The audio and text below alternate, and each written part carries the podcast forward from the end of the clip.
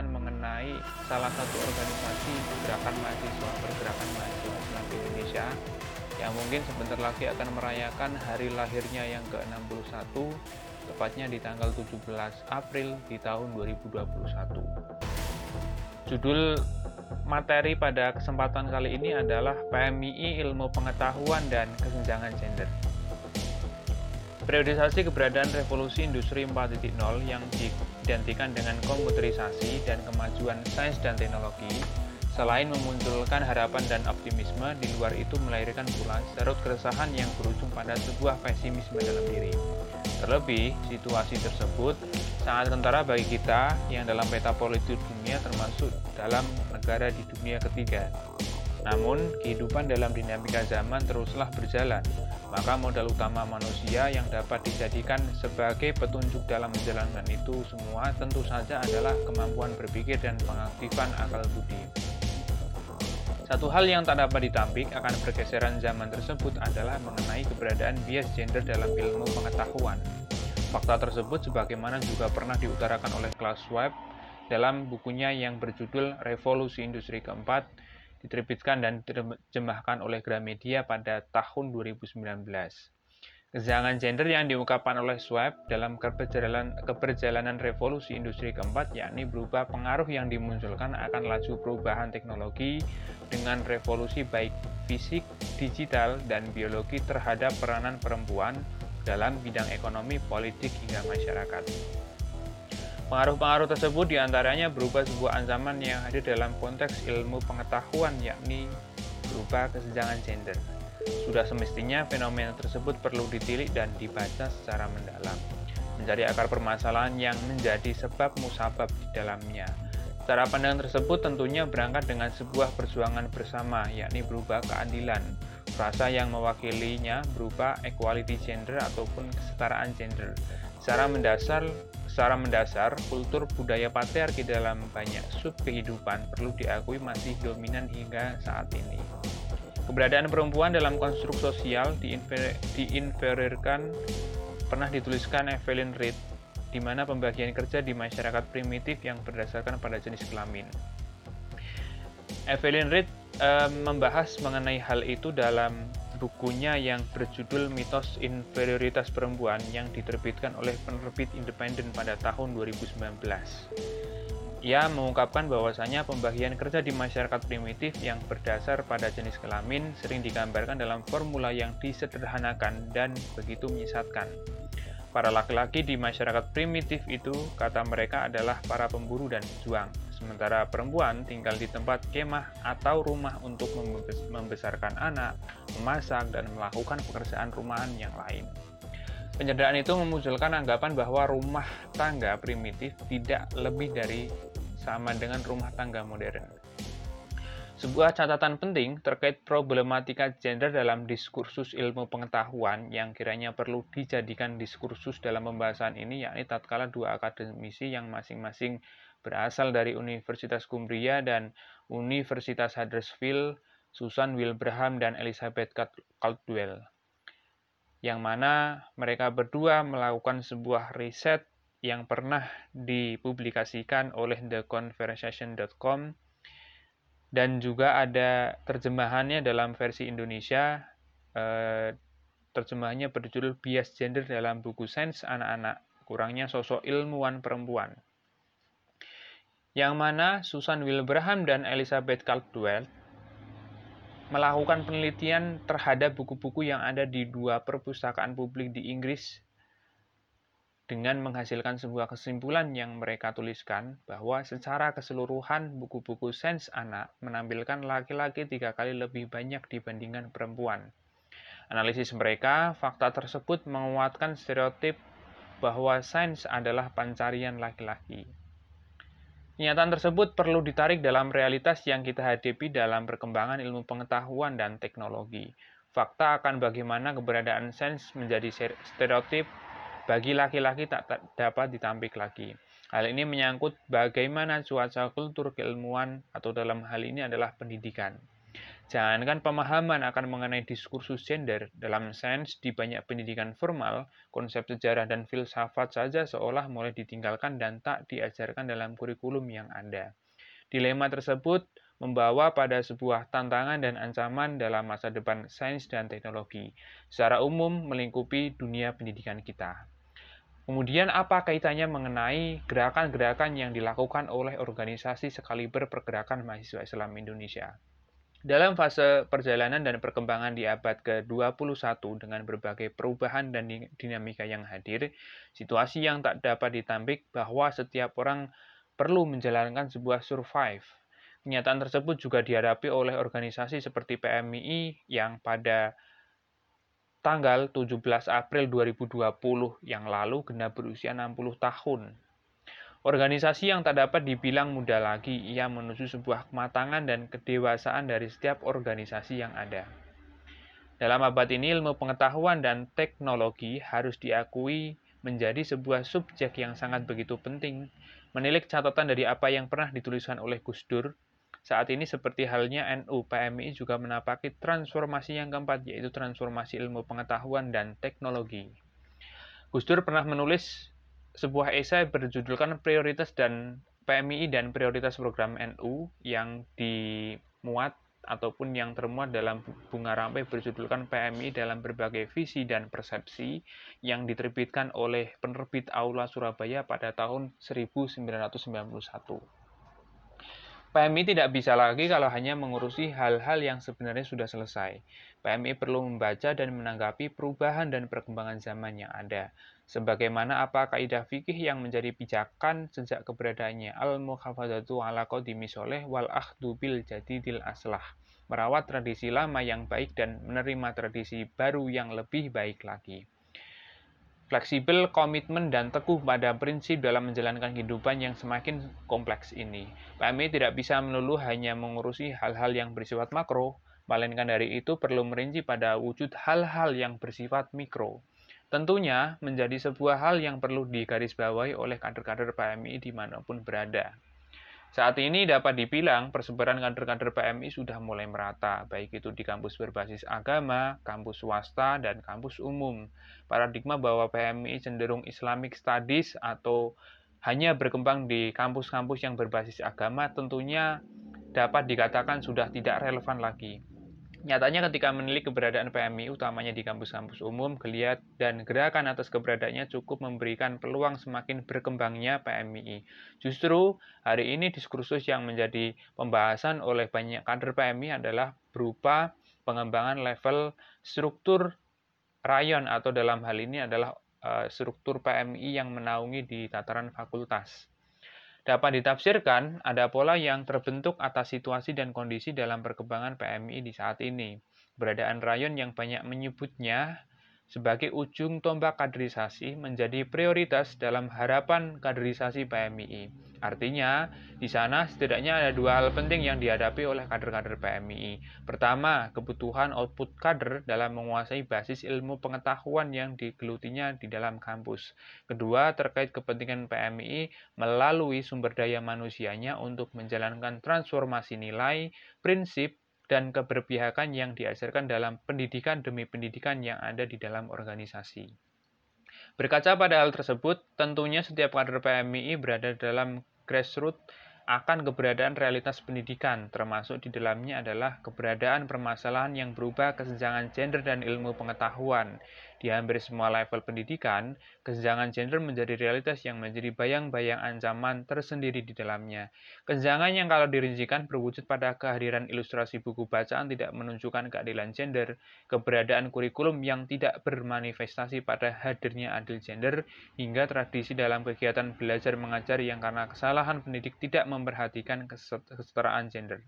Secara umum, dualitas yang ada di dalam lingkungan kemudian memacu keberadaan kesenjangan gender sebagaimana pernah dituliskan oleh Mary Astuti dalam sebuah esai berjudulkan Pendidikan Berperspektif Gender. Tulisan ini termasuk dalam bunga rampai yang berjudulkan Membuka Masa Depan Anak-anak Kita, mencari kurikulum abad ke-21 yang diterbitkan oleh Canisius pada tahun 2000 silam.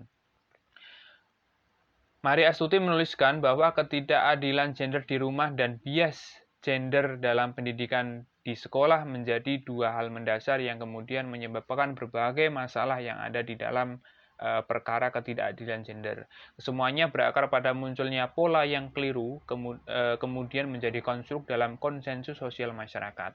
Misalkan dalam lingkungan rumah, pembatasan-pembatasan dalam aktivitas seorang perempuan oleh orang tuanya dengan domestifikasi yang ada di dalam rumah.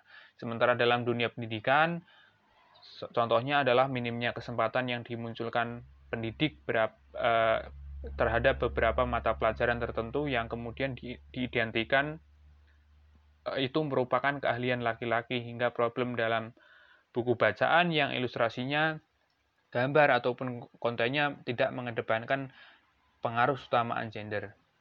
Kalau kita berbicara eh, tentang gerakan-gerakan PMI, kemudian bagaimana PMI mengatasinya?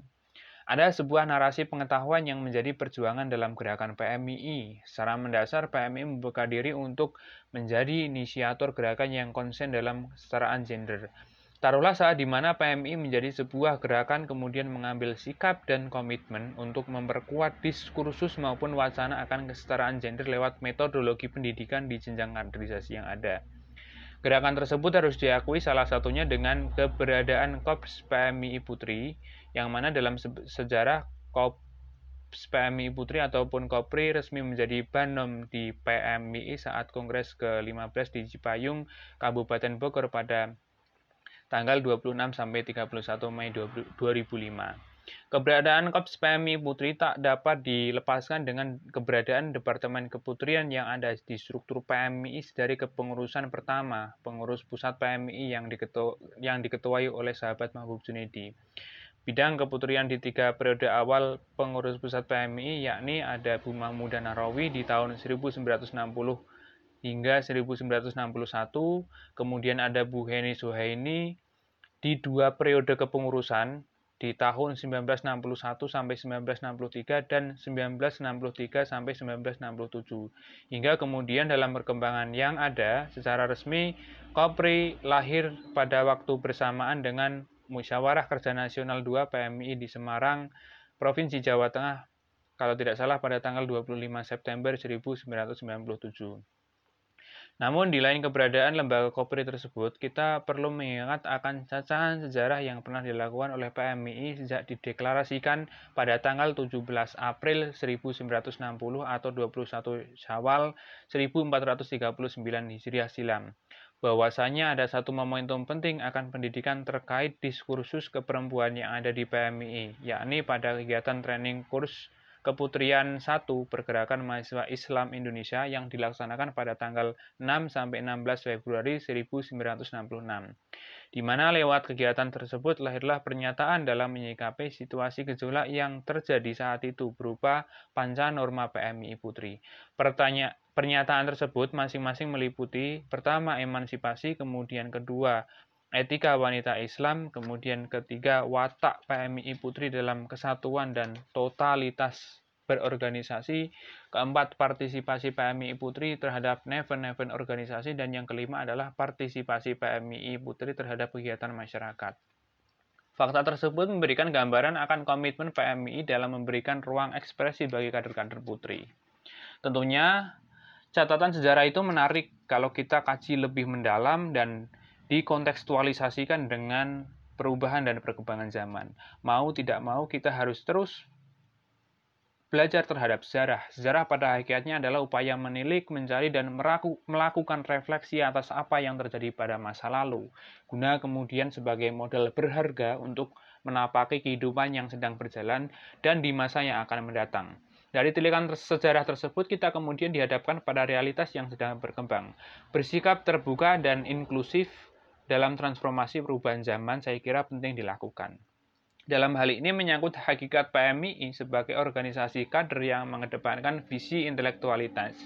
Intelektualitas menyaratkan adanya sebuah sikap keterbukaan, jalan inklusif yang harus dipilih bukan melainkan eksklusif. Tugas pokok intelektual adalah mempertahankan kebebasan berpikir sebagaimana pernah diungkapkan oleh Gus Dur.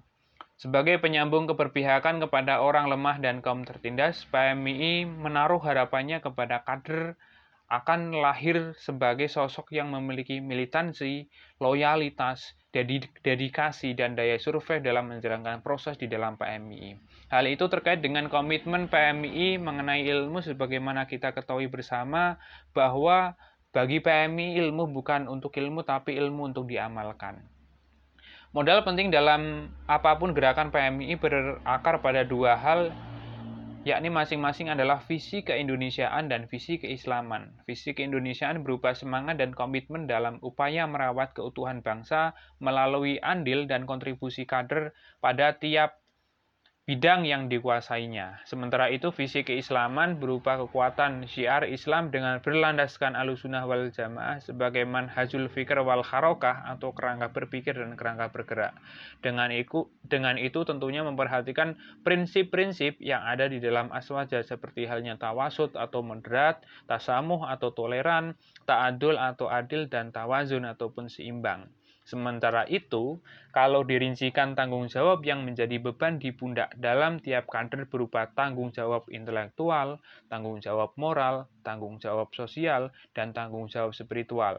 Konstruk yang terbangun tentunya berlandaskan pada komitmen dan ketegasan semenjak PMI dirintis dan ataupun dideklarasikan pada tahun 1960 bahwa ilmu bukan untuk ilmu namun melainkan ilmu itu untuk diamalkan.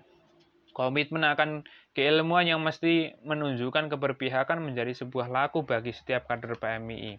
Keberpihakan yang dimaksudkan tentunya keberpihakan kepada yang lemah atau mustadafin, kepada kaum papa dan kepada mereka yang tertindas. Dalam transformasi keempat yang dilalui oleh PMI, realitas menunjukkan bahwa ilmu pengetahuan berjalan dengan cepat dan dinamis. Tak ayal hal tersebut menjadikan diri kita untuk senantiasa adaptif dalam menjadi bagian peradaban yang berkembang berkembang. Setidaknya, ilmu pengetahuan menjadikan diri bagi para pecinta ilmu untuk berani mendobrak dan melakukan upaya revolusioner guna memberikan gambaran akan sebuah realitas yang lengkap, utuh, dan sempurna. Metode ilmiah yang memuat langkah-langkah maupun tahapan dalam meneroka realitas menjadi tulang punggung yang penting dalam perkembangan ilmu pengetahuan. Fajar abad ke-20 muncullah salah satu tokoh ternama, ahli kimia dan penemu dinamit dari Swedia Alfred Nobel, yang kemudian mewasiatkan kekayaannya sebagai utang rasa kemanusiaan kepada para punggawa ilmu pengetahuan dengan temuan maupun gagasan ilmu yang memberikan andil bagi peradaban dunia. Hadiah Nobel menjadi sebuah hal yang prestis yang dihelat dalam satu kali setiap satu tahun tepat menjadi sebuah gambaran dalam ilmu pengetahuan sebagaimana dibangun oleh Karl Raimund Popper tentang falsifikasi pengetahuan. Bahwa pengetahuan ketika dibuktikan salah maupun keliru mengharuskan si pemilik teori untuk meneliti dan mengoreksi kembali.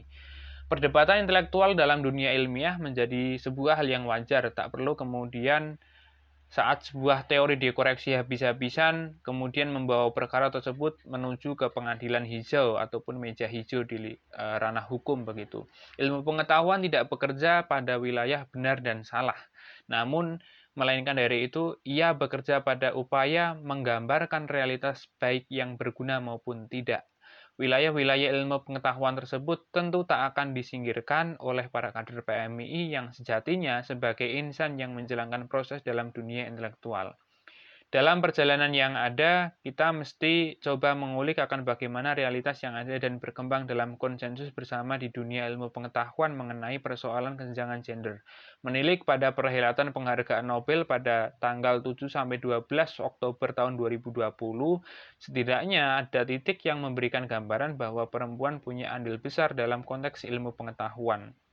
Hal tersebut terbukti dengan keberadaan empat perempuan yang mendapatkan penghargaan Nobel, yang masing-masing adalah Andrea Ghez dari Amerika Serikat di bidang fisika, kemudian ada Emmanuel Carpentier dari Prancis dan Jennifer Anne Doudna dari Amerika Serikat di bidang kimia, dan ada Louis Gluck dari Amerika Serikat di bidang sastra. Cakrawala pengetahuan. Pada konteks global, upaya bersama untuk mewujudkan kesetaraan gender menjadi kesepakatan di banyak negara baik di berbagai forum nasional maupun internasional. Seperti halnya dimensi gender dan iptek menjadi bahasan dalam Kongres Dunia pertama tentang perempuan yang diselenggarakan oleh Perserikatan Bangsa-Bangsa Bangsa-Bangsa ataupun PBB pada tahun 1975 di Mexico City. Hingga kemudian, setidaknya dalam 20 tahun terakhir, hasil pertemuan yang diselenggarakan oleh PBB mencanangkan dua tujuan pembangunan dengan upaya untuk mewujudkan kesetaraan gender, salah satu tujuan besarnya.